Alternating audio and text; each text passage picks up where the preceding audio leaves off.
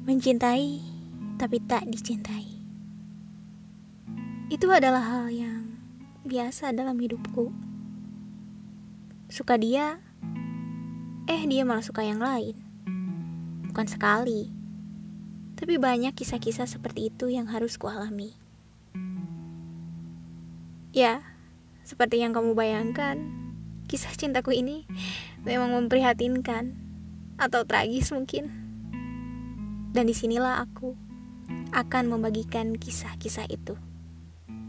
Meskipun saat ini kisah yang kuberikan adalah kisah yang tak kunjung bahagia, tapi aku tetap yakin suatu saat akan ada titik di mana akan kubagikan kisah cintaku yang begitu indahnya hingga kan membuat iri.